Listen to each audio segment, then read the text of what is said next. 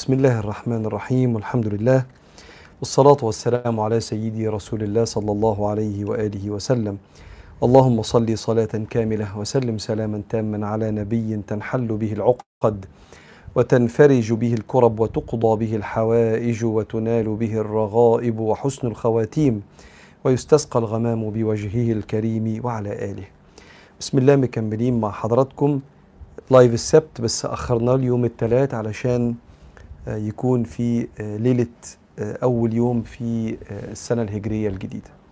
كل سنة وحضراتكم طيبين. بكرة واحد محرم. والنهاردة يعني الليلة الأولى في سنة جديدة في عمرنا مع ربنا سبحانه وتعالى. كل عام وأنتم أقرب إلى الله. تقبل الله منا ومنكم. وإذا كان هتحسب أن النهاردة يعني خلاص آخر الأيام في السنة الأولانية وبداية السنة الجديدة فإحنا في الخواتيم. وسيدنا النبي كان يقول عليه الصلاة والسلام إنما الأعمال بالخواتيم. فشيء شريف وجميل جدا إن إحنا نكون مع بعض كده في خواتيم سنة يا رب يقبلها مننا بحسناتها يضاعفها وبسيئاتها يعفو عنا. وكتير كانت المشايخ لما حد بينتقل ويسيب الدنيا يقولوا كده اللهم إن كان محسنا فزد في حسناته وإن كان مسيئا أو مقصرا فتجاوز عن سيئاته. فإحنا هندعيها لنفسنا وإحنا عايشين. اللهم إن كنا محسنين في هذا العام فزد في حسناتنا. وضاعفها لنا وأبهرنا بثقل ميزان حسناتنا يوم القيامة. وإن كنا مقصرين أو مسيئين فتجاوز عن سيئاتنا. برحمتك. وعاملنا بصفاتك لا بصفاتنا وبإكرامك لا بما نستحق. سنة بتخلص وسنة جديدة بتبتدي. وحابب إن أنا أقرأ مع حضراتكم حكمة عطائية تخص قوي نظرتك للأيام عموما. وأقول لك منها على ثلاث أحوال تعيش بيهم في السنة الجديدة ناخدهم من الهجرة. يعني من هجرة سيدنا النبي عليه الصلاة والسلام اللي يعني السنة الهجرية الجديدة وبداية السنة الهجرية الجديدة في ثلاث مواقف حصلوا كده. بس الأول تعالى نقرأ الحكمة العطائية. قال سيدنا الإمام تاج الدين أحمد بن عطاء الله السكندري رحمه الله ونفعنا الله بعلومه وعلومكم في الدارين اللهم آمين. قال ربما أفادك في ليل القبض ما لم تستفده في إشراق نهار البسط. ثم قرأ الآية لا تدرون أيهم أقرب لكم نفعا. تاني ربما أفادك في ليل القبض ما لم تستفده في إشراق نهار البسط. لا تدرون أيهم أقرب لكم نفعا. متفقين أن الحكم الجمل بتاعتها صعبة شوية نشرحها مع بعض. معنى الحكمة يمكن في الضلمة بتاعة البلاء تستفيد أكتر بكتير من اللي هتستفيده في النور بتاع النعمة. أنت ما تعرفش إيه الأنفع بالنسبة لك. الله يعلم. إحنا جايين هنا الدنيا علشان نتمتع بمعرفة ربنا ونمر في تجارب واختبارات فيها عطاء ونعم وفيها ابتلاءات ومحن. وفي وسط الرحلة دي بنعرف ربنا أكتر فبنتعلق بيه. فلما بنعرفه بنعبده ونبدأ نعامل بعض بالصفات الحلوة اللي حطها فينا. فكل ما تشوف رحمته تتعلق بيه وتبدأ ترحم الناس. بترحم الناس ليه؟ لأني حبيت رحمة ربنا معايا فنفسي أنا كمان أمارس الرحمة مع الناس. بعدين ربي قال لي عايز الرحمة تنزل عليك أنت مش هتعرف ترد لي الرحمة. يعني إحنا مش بنرحم ربنا عشان يرحمنا. ربنا لا ينتفع بالخلق. أما عشان ربنا يرحمني أعمل إيه؟ قال لك ارحموا من في الأرض يرحمكم من في السماء. فأنا بأمارس الرحمة لحبي لصفة الرحمة اللي شفتها من ربنا ولأني كل ما برحم كل ما ربنا بيرحمني كل ما بكرم كل ما ربنا بيكرمني كل ما بعفو ربنا بيعفو عني. وهكذا التعلق بصفات الله والتخلق مع عباد الله. دي قصة الدنيا والآخرة. في الرحلة دي انت مش هتتعلم ده بس بالنعمة والعطاء والانبساط والفلوس الكتيرة والحب لا لا. في بعض الأوقات هتتعلم ده اللي هو دورك في الحياة كعبد هتتعلمه في الضلمة. الضلمة اللي هي إيه؟ أيام القبض. القبض يعني الضيق عكس البسط السعة والعطاء. ربنا يقول والله يقبض ويبسط وإليه ترجعون. واسمه القابض الباسط. وحتى انت لما يبقى متضايق كده تحس تقول أنا قلبي مقبوض. عكس أنا مبسوط هي الكلمة كده. فأنت قد تستفيد في ليل القبض. ممكن في الأوقات الصعبة الارتقاء اللي يحصل في شخصيتك والقوة اللي تحصل في نفسيتك والرقة اللي تحصل في قلبك. ورخص الدنيا عليك مش فارقة. واحترامك للنعمة اللي في إيديك. إيه المعاني الغالية دي؟ مش دايما هتتعلمها في في الرغد. في بعض الأوقات ممكن تتعلمها في الرغد وممكن تتعلمها في أيام صعبة فيها محن. فبيقول لك ابن عطاء الله مش أنت عايز ربنا يعمل لك الانفع ليك ويساعدك إنك تقوم بدورك ويفرحك ويسعدك دنيا وآخرة؟ سلم لربنا سيب ربك سيب نفسك لربك يعاملك بالطريقة المناسبة ليك. ربنا سبحانه وتعالى ما بيحبش يأذي حد ولا بيحب يضيق على حد لكنه بيفعل كل الأفعال بحكمة. فإذا كان العطاء فيه حكمة فالمنع ما فيهوش غضب.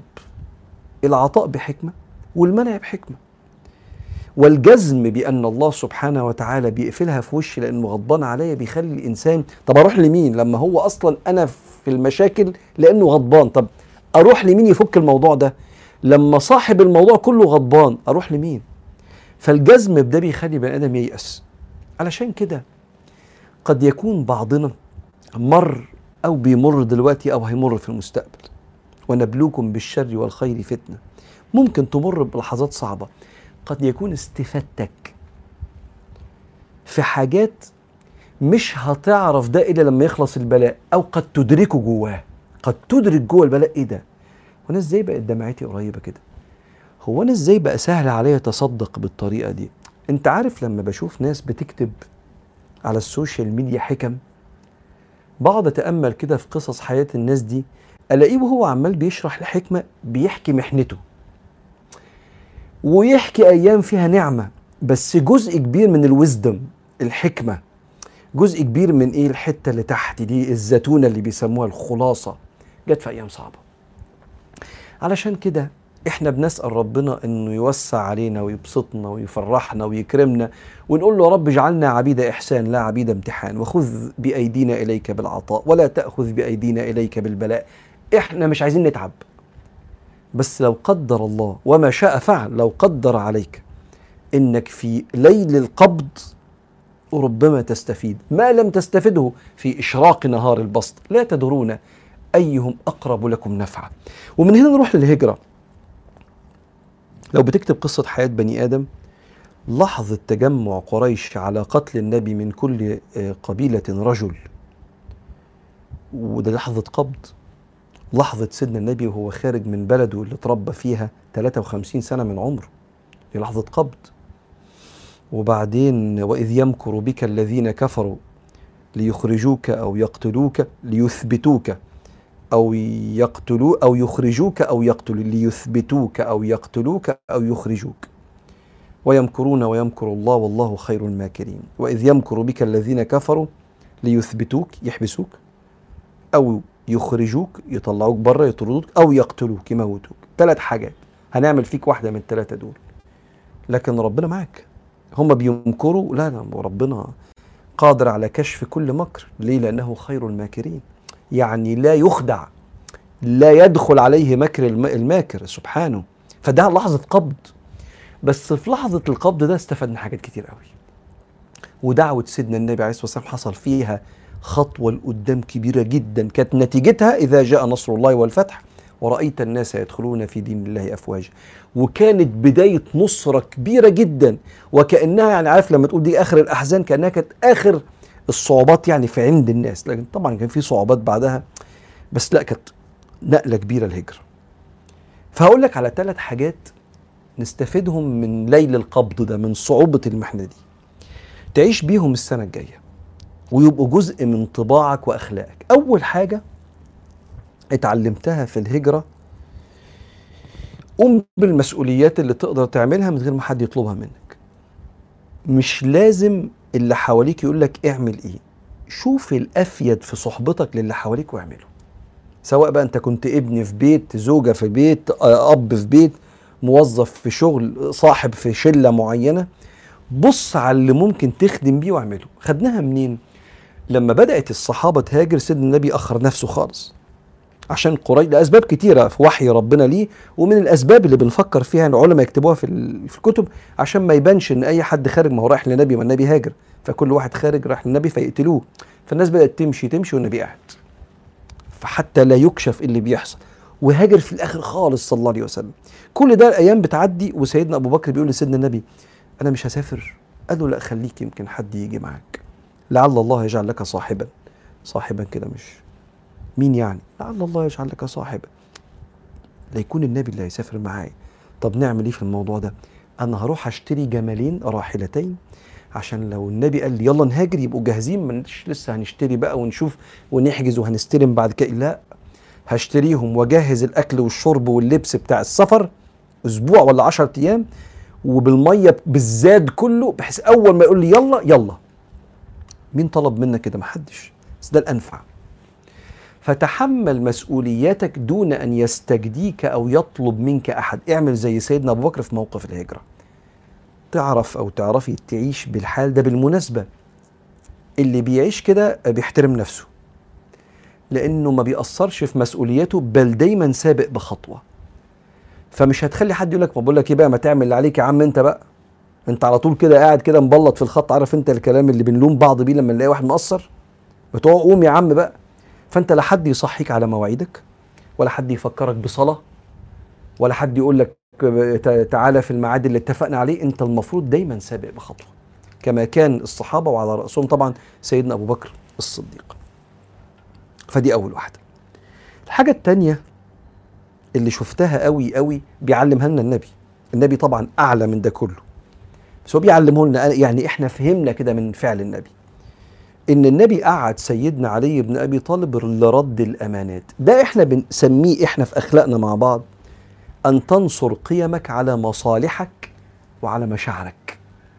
النهارده دول عايزين يقتلوني أو يطلعوني من بلدي أو ايا كان. ودول كفار محاربين. قتلوا مننا ناس ومش معيشيننا في سلام. طب ما أماناتهم دي ناخدها وخلاص بقى. مش مهم هم أصلا دول ما لهمش قيمة. لا.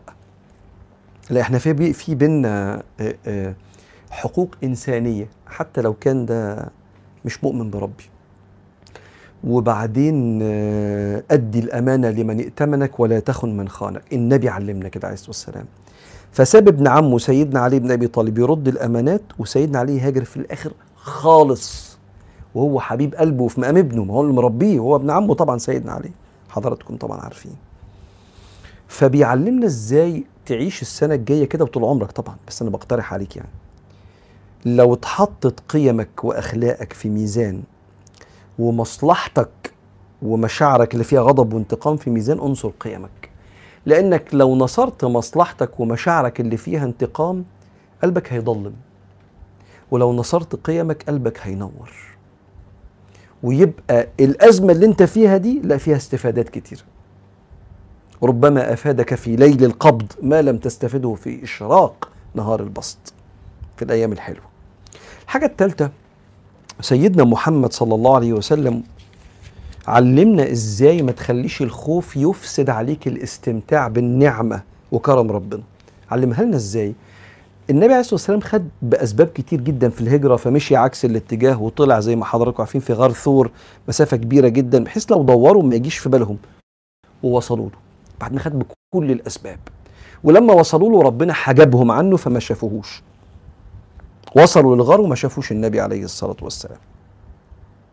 وبعدين نزلوا ونزل النبي عليه الصلاة والسلام. إحنا خدنا بكل الأسباب. فجه سراقة بن مالك اللي هو كان مشرك وقتها. طبعا هو مات صحابي صحابي جليل. بس هو وقتها مشرك لما قريش قالوا تاخد 100 جمل لو جبت النبي حيا أو ميتا. فالنبي ماشي في اتجاه المدينة بعد ما خد بكل خلاص إحنا عملنا مفيش حاجة تتعمل تاني. وسراقة جاي من ورا. وسيدنا أبو بكر بيبص عليه كده في فارس جاي. وسيدنا النبي عليه الصلاة والسلام مركز في اللي ينفع نعمله دلوقتي. إيه اللي ينفع نعمله دلوقتي؟ بيذكر ربنا. خد بكل الأسباب. لا يتبقى في الأخذ بالأسباب إلا الدعاء والذكر. فعمال يقرأ القرآن بصوت عالي وسراقة جاي. وزي ما حضراتكم عارفين تغوص قدم. الفرس في الرمال ويقوم ويحاول تاني وتغوص لغاية ما قال النبي لو سمحت طلعني ادعي ربك يطلعني. قال له طب وتسيبنا؟ قال له آه والله هسيبكم وما تقولش لحد إنك شفتنا. تمام. هنا عايز أقول لك على حاجة ورجع سراقة بن مالك طبعا وبعدين أسلم بعد كده. الشيطان أحد أكبر أهدافه إفساد إحساس الشكرانية في قلبك لربنا اللي اسمه الامتنان. أنا في نعمة. فيبدأ يرمي لك أفكار تخوفك على مستقبلك وجوازك وفلوسك وهتنام هتموت وانت نايم وهيجي لك مرض وهتكبر وتعيش لوحدك وهيرموك وهيخونوك. كل أفكار كتيرة فيها إفساد لسكينة الإحساس بالنعمة الموجودة. لو سمحت أطرد ده بإنك تعمل اللي عليك بحيث إنك أنت لو في مخاوف حواليك تدفعها وتزقها بإنك تعمل اللي عليك. زي بالظبط اللي عنده امتحان مش مطلوب منه غير إنه يذاكر. طب ذاكر وعمل اللي عليه وسمع لنفسه الخوف اللي جواك ده زيادة يطرد بالذكر. لأن خلاص ما فيش مذاكرة تانية تعرف تعملها. اذكر الله. فلا تسمح للخوف إنه يخطف منك نعيم النعمة. فخليك في السنة الجديدة دي من الذاكرين الله كثيرا والذاكرات لأن ما لا يطرد بالفكر يطرد بالذكر. عشان يطمن قلبك وتطمئن قلوبهم بذكر الله. فقم بالمسؤوليات دون أن تطلب منك زي سيدنا أبو بكر. انصر قيمك على مصالحك زي ما النبي علمنا في موقف رد الأمانات. ثلاثة لا تسمح للخوف. انه يطرد أو يسلب منك نعيم النعمة اللي أنت فيها وكن من الذاكرين الله كثيرا والذاكرات. خلصنا الخاطرة. يلا نرد على أسئلتكم العظيمة. بسم الله. بيقول إيه بقى يا سيدي؟ بيقول هو لو ماما وعمتي اتخانقوا. وعمتي هي اللي كانت غلطانة وشتمت ماما. أنا لازم برضو أوصلها ولو خصمتها أبقى قاطعة للرحم وحرام عليا. السؤال ده من الأسئلة الصعبة قوي السؤال ده ليه شكلين؟ الشكل الأولاني إن ماما تتخانق مع عمتي وما يكونش فيهم حد غلطان. ما يكونش فيهم حد غلطان يعني إيه؟ يعني أنا مش عارفة أقرر هي ماما ولا عمتي اللي غلطانة؟ هما الاثنين غلطوا في بعض. ساعتها العلماء بيقولوا لا ما تقطعيش عمتك حتى لو أمك قطعتها. لأن خناقة أمك مع عمتك فيها بينهم قطيعة ما تخليكيش أنت تقطعي رحم عمتك بالذات لو عمتك بتوصلك. ويمكن يكون وصلك لعمتك ده الوصل ده يكون هو خط الرجعة اللي وقت ما إيه تفضلوا كده في بينكم حبال موصولة يمكن ده السبب في إنها تصالح أمك. لكن النهارده لو عمتك شتمت أمك وفي يقينيه إن عمتك غلطانة. انت محتاجة تعملي خطوة. ألا وهي إنك تروحي تقولي لعمتك اللي حصل ده غلط وتكلميها وتطلبي منها إن هي تتأسف لوالدتك. وتبقي انت هنا بتقومي بعبادة إصلاح ذات البين. ألا أنبئكم بما هو خير من الصيام من الصلاة والصيام والصدقة. قلنا بلى يا رسول الله قال إصلاح ذات البين. صلح بين الناس. فلو عملت كده وعمتي قالت لك لا هو ده النظام وهشتمها. آه ساعتها ما أقدرش أقول لك أنا وأنا قاعد في التكييف كده خليكي مع عمتك اللي شتمت أمك وبتتكبر ما أقدرش أعمل كده. وأبقى كده باجي على حضرتك. لكن نفترض رحتي لعمتك وقلت لها لو سمحتي أنت شتمتي أمي مش المفروض تعملي كده يا ريت تصالحيها. فرجعتيها لرشدها وتاسفت لوالدتك. أنت عملتي وصل للرحم رهيب. فقبل ما تقرري هقطع ولا اوصل الأول بس اعملي الخطوة دي وربنا يعينك عليها. حد بيقول لي ليه الابتلاءات دايما للناس الكويسة؟ أو على الأقل ماشيين صح ما بيعملوش حاجة غلط. ولو عملوا بيستغفروا بيلتزموا ويتفك... وبيفتكروا إن خلاص ربنا راضي عنهم لكن حياتهم بتتكعبل والدنيا بتسود قدامهم وفي المقابل الناس المؤذية حياتهم جميلة وما تقوليش في الآخرة هيفرحني. لا أنا عايز أفرح في الدنيا كمان. ليه الشقى ده والتعب النفسي والحظ السيء ده كله أنا تعبت. اولا ربنا يكون في عون السائل أو السائلة. أنا عايز أفرح يبقى سائل. ربنا يكون في عونك. خفف عن كتافك ويرفع عنك كل ألم وكل أذى. بس يا أختي الصغيرة أو الكبيرة ده طريقة في التفكير فيها تعميم شديد جدا. الواقع مش بيأيده. يعني مش كل الناس الحلوة تعبانة في الدنيا. ولا كل الناس الوحشة الدنيا ماشية معاها. في ناس حلوة ومبسوطة ومرضية آخر رضا وكتير قوي. يمكن قلبك وعقلك مش شايفهم دلوقتي. أو الثلاثة أربعة اللي حواليك الخمسة ستة اللي حواليك لأن الاستاتستكس العلم بيقول لما واحد يقول الناس كلها بيقصد من أربعة لست أشخاص. وأنت مرة اعملها كده مع نفسك أو اسأل حد بيقول لك ده الناس كلها متضايقة أقول له مين؟ هتلاقيه عدلك على صوابع إيد واحدة الناس اللي متضايقة دي. هو بيقول كل الناس. فده تعميم خاطئ في طريقة التفكير. لأن في ناس وحشة كتير والدنيا ماشية معاهم حلوة قوي. إن الله لا يظهر الظالم يسيبه حتى إذا أخذه لم يفلته. ففي ناس كتير بتاكل مال الناس وبتأذي وبتغتاب و... وممكن يكون متسابين لحكمة عند ربنا ورحمة. والدنيا ماشية معاهم كويس. وفي ناس وحشة لا. والدنيا مقفلة في وشهم جدا. وربنا يقول ظهر الفساد في البر والبحر بما كسبت أيدي الناس. ليذيقهم بعض الذي عملوا لعلهم يرجعون. ف ويقول في القرآن وما أصابكم من مصيبة فبما كسبت أيديكم ويعفو عن كثير. فاللي حضرتك بتقوليه مش مش واقع. آه في ناس كويسة وساعات بيبقوا في المرحلة دي من حياتهم يبدو زي حضرتك بيمر بأوقات وحشة. لكن قبل كده وبعد كده الفرج هيجي من ربنا. لأن الأوقات الوحشة هي استثناء لاختفاء نعم كانت سبب سعادتي. ما أنا كنت مستقر بعدين حاجة في الصحة حاجة في الفلوس خلتني أشعر بالوجع الوجع عكس الراحة اللي أنا كنت فيها. وإلا اللي, اتولد في الوجع لغاية ما يموت هو ما يعرفش أصلا طعم الراحة. فهو على طول فتأقلم مع الوجع لكن إحنا ليه بنتوجع؟ عشان بنبقى في نعمة وبعدين تحصل أزمة فعارف لما الدنيا النور يقطع فلما النور قطع بقيت تحس إن أنا في ضلمة. تعرف الضلمة دي منين؟ لأني كنت عايش في النور. فاطلب من حضرتك الدعاء وإنك تعملي اللي عليك لدفع البلاء وإنك تكثري كتير قوي أقل حاجة 500 من 500 ل 1000 صلاة على النبي في اليوم حتى يرفع عنك ما أنت فيه. هل يجوز أقول اللهم إني لا أسألك رد القضاء ولكن أسألك اللطف فيه؟ ده دعاء مؤدب. الناس كأن لأن البشر ما بيبقوش عارفين الفارق ما بين القضاء والقدر. العلماء بيقولوا القدر الحاجة اللي مكتوبة والقضاء لما ينزل. فاللي نازل ده خلاص هينزل فده لا يرد. فالأدب اني ما أقولوش رد حاجة هو قدر إنها تنزل. لو هو قدر القدر ده قد يكون قدر معلق يعني ممكن ما ينزلش لو دعيت وممكن يبقى قدر مبرم هيتحقق يبقى قضاء. فعشان هي يعني شوف الدعاء لا أسألك رد القضاء يعني حاجة ربنا خلاص أراد إنها تحصل. فلو قلت له ردها مش هيردها لأنها أراد تحصل. لأنها لو فضلت قدر معلق على الدعاء أو على أي عمل صالح يرفعه هيفضل قدر. فلا أسألك رد القضاء ادبا معك ولكن أسألك لما ينزل القضاء ده تلطف بيا. تلطف بيا فيه فيبقى خفيف على كتافي. دعاء جميل وفي وأنا لما بدعي بسأل اللطف على طول. نقول يا رب الطف بينا. ولما بدعي أي دعاء بختمه زي ما العلماء علمونا مع تمام اللطف والعافية. أي نعمة اديها لي اديها لي من غير أي وجع يا رب. مع تمام اللطف والعافية. ثلاث آه، أسئلة عن الخمرة ورا بعض مهمين قوي. لو حد بيشرب كوباية خمرة واحدة ومش بيذهب عقله وبيبقى واعي حرام برضه؟ لا مش حرام ده من الكبائر من أكبر الكبائر. إحنا عندنا يا جماعة الخمرة دي أحكامها بتتاخد من الآيات والأحاديث مش الخمرة. أي حكم في الإسلام بيتاخد من مجموع الأدلة.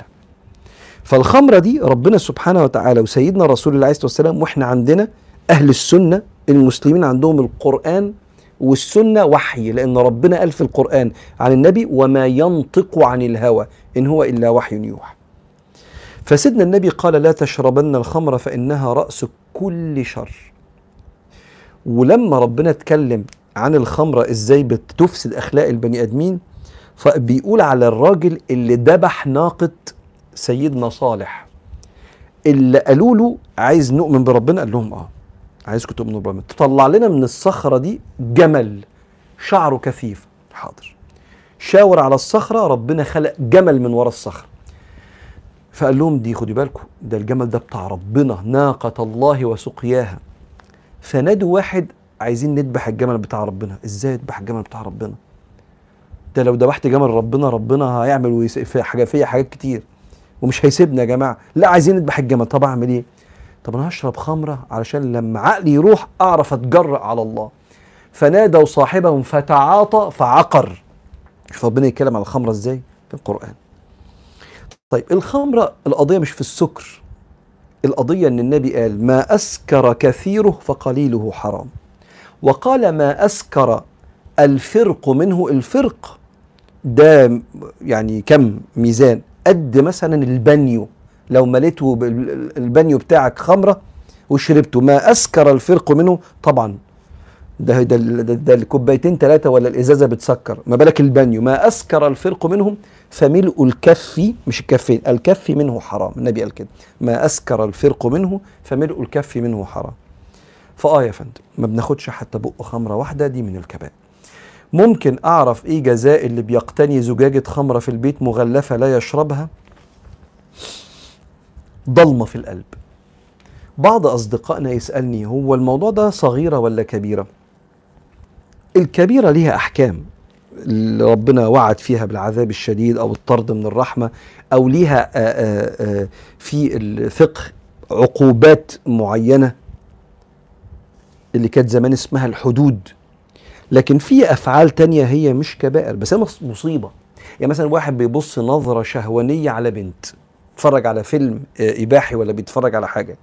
حد يقدر يقول له إن النظرة الشهوانية دي من الكبائر؟ لا لو حطها على كتب أهل العلم لا مش من الكبائر. بس قلبه بيضل. تحسبهاش صغيرة صغيرة ولا كبيرة. مش بثقل السيئة في ثقل تاني غير الثقل بتاع الميزان يوم القيامة. في ضلمة بتخش في القلب. فأنا لو قعدت أتفرج على مناظر شهوانية وأبص بشهوانية قلبي هيضل. وهستحضر المناظر دي جوه الصلاة. عيني هد... قلبي هيجيبها لي. وهلاقي نفسي بعمل حاجات كتير فيها ضلمة بسبب قلبي وأخلاقي هتبوظ وحاجات كتير قوي. مش القضية إنها ذنب كبير ولا صغير. اقتناء زجاجة خمرة فيه رضا بالمنكر. أنا النهارده عندي إزازة مثلا لو واحد عنده إزازة خمرة في البيت كل ما يبص لها العلماء كانوا بيعلمونا نغض بصرنا. لو شفنا إزازة خمرة نخد نغض بصرنا. ليه؟ لا تنظر لشيء من الكبائر. أيوه هو النظر لإزازة الخمر حرام؟ لا هو مش بيقول لك حرام. هو بيقول لك النظر مع عدم تمعر الوجه. يعني دي حاجة ربنا مش بيحبها. فمود لما أبص لها أفتكر حكم ربنا إنها من الكبائر حاجة تزعله. زي ما تشوف واحد مثلا ضرب ابنك بالبنية كسر له مناخيره وماشي في الشارع بيضحك كده قدامك. أنت نظرتك ليه تبقى كلها غيظ. فاقتناء زجاجة خمره لا طبعا. مش عارف هي ما أعرفش بتعمل إيه في البيت لكن لا ما بنعملش كده ما بنعملش كده. ربنا في القرآن بيقول إن على الخمر فاجتنبوه لكنه لم يحرمها. فلماذا نقول أنها حرام من الكبائر؟ لماذا تقول أنها حرام من الكبائر؟ يا كرام يا كرام استنوا.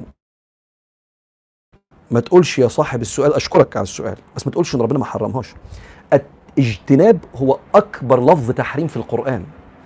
ربنا بيقول فاجتنبوا الرجس من الأوثان واجتنبوا قول الزور. حد يقول كده ربنا مش محرم؟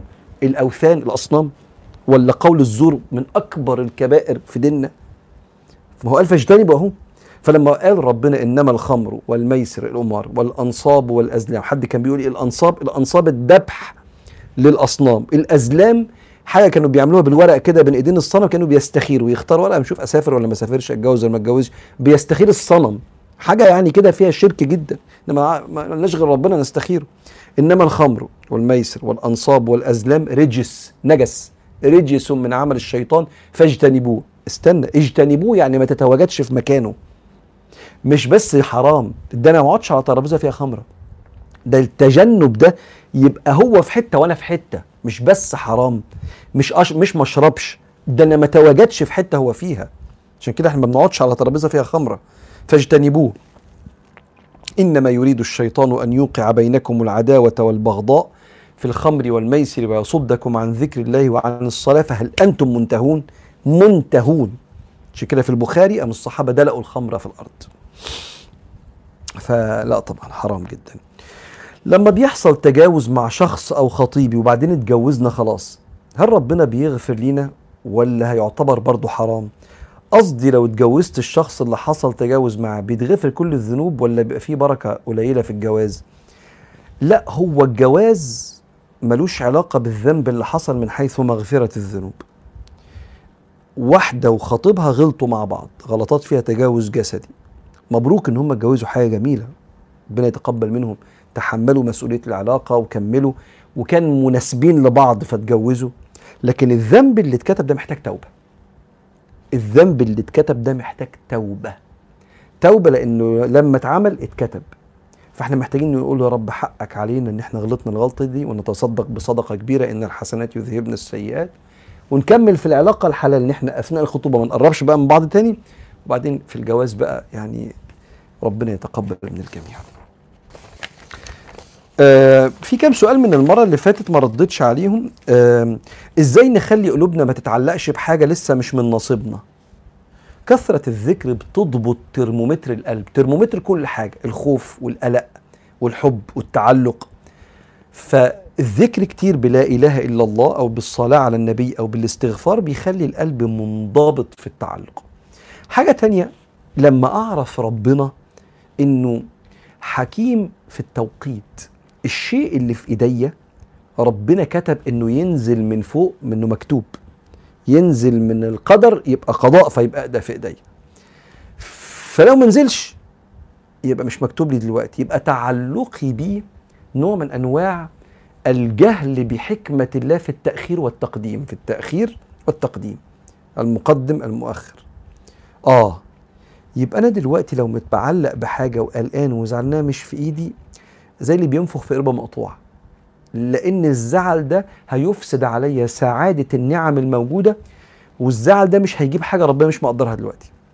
فلما الفكرة دي أقعد أفكر فيها أصبر على اللي مش من نصيبي. هل سماع الدعاء وإن أنا أقول آمين كأني بقول نعم؟ اللي بيؤمن على الدعاء وكأنه شارك من يدعو فمجرد إني بقول آمين يعني اللهم استجب كأني بدعي بالدعاء ده. الله! آخر سؤال. أبي سامحه الله دايما بيحسسني إني تقيله على قلبه وإن أنا لسه ما اتجوزتش. عندي 27 سنة.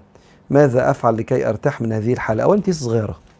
مش عارف يعني إيه 27 سنة ده سن بنت صغيرة. ولو بنت عندها 27 سنة ولا 30 سنة ولا 35 سنة لسه ما اتجوزتش ولا 40 سنة حتى تقولي لأ ده حتى في أكبر. أقول لك طبعا ده في بنات بتتجوز بعد كده بكتير. لكن خلينا نرجع لمجتمعنا للأسف الشديد اللي بيقيم تقييمات مزعجة. مزعجة وانت مال وأنا مالي أنا؟ وأنا مالي أنا لو واحد اتجوزت ولا متجوزتش؟ حتى لو كانت بنتي. وأنا مالي. هتعمل إيه بنتي طب عشان تتجوز يعني؟ تروح تعرض نفسها في الشارع على الناس تطلب من الرجالة تقول لهم اتجوزوني يا جماعة؟ هتعمل إيه؟ وبعدين لو أنت يا سيدي الغالي الكريم الوالد أنا بتكلم براحتي مع ابوكي أنت ما تتكلميش معاه كده أنا اللي بكلمه. انت مقدمة مع ابوكي بس أنا إيه أنا اتكلم براحتي شوية. يا سيدي الكريم انت ليه تبقى ضد بنتك مع الأيام؟ يعني الأيام وجعاها واحداث حياتها وجعاها ان هي ممكن تكون شايفة نفسها وأنا بقول ان هي مش متأخرة شايفة نفسها متأخرة في الجواز. فانت تبقى ضدها ولا تبقى انت السند؟ وانت العون ليها وانت الونس ليها وانت اللي تقول لها تديها ثقة في نفسها كده لأن أي حد فيه خطوة من خطوات حياته بتتأخر حاجة من الاتنين.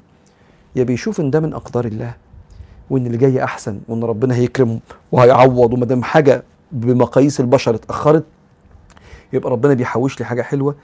أو تتضرب ثقته في نفسه إن أنا عندي إنجاز من إنجازات المرحلة ما حصلش. هنا في مشكلة في عيب في غلطة. يكونش ربنا زعلان مني يكونش مش مكتوب لي يكونش مئة ألف افتراض سلبي بيكئبوا البني آدم. هنا الأهل لازم يبقوا هم نظام الدعم اللي حوالين أولادهم برد الثقة. وإيه المشكلة يعني؟ مش لسه ما فيش حد ربنا خلقه لغاية دلوقتي يا بنتي يستهلك. أنت عشان بنت جميلة و... وقلبك جميل لسه ما جاش الراجل اللي يستهلك. ده دورنا إحنا كأهل. ما تعمليش حاجة أكثري من ذكر الله وما تتخانقيش مع أبوكي. مهما عمل أبوكي في الآخر ده أبوكي. له كامل كامل الإحترام. واصبري على النوع ده من الأذى. زي سيدنا إبراهيم كده لما أبوه أذاه قال له سلام عليك سأستغفر لك ربي إنه كان بي حفي. ومعلش وإن شاء الله ببركة صبرك على النوع ده من الوجع ربنا هيبعت لك اللي يكرمك ويقدرك إن شاء الله. كل سنة وأنتم طيبين. إن شاء الله نتقابل السبت الجاي في ميعادنا في آه live السبت مستمرين مع حضراتكم. ويا رب يكون سلسلة الطريق اللي بتنزل على ال social media عندنا اللي فيها العلم الشرعي يا رب تكون لقت استحسان عند حضراتكم. وبدعوا كل حد لسه ما اتفرجش على الطريق إنه يتفرج وإحنا بنشرح فيها العقيدة والفقه والشمائل المحمدية وتزكية الأخلاق. ونكمل مع بعض كده رحلتنا وربنا كريم إن شاء الله. وصلي اللهم وسلم وبارك على سيدنا محمد والحمد لله رب العالمين.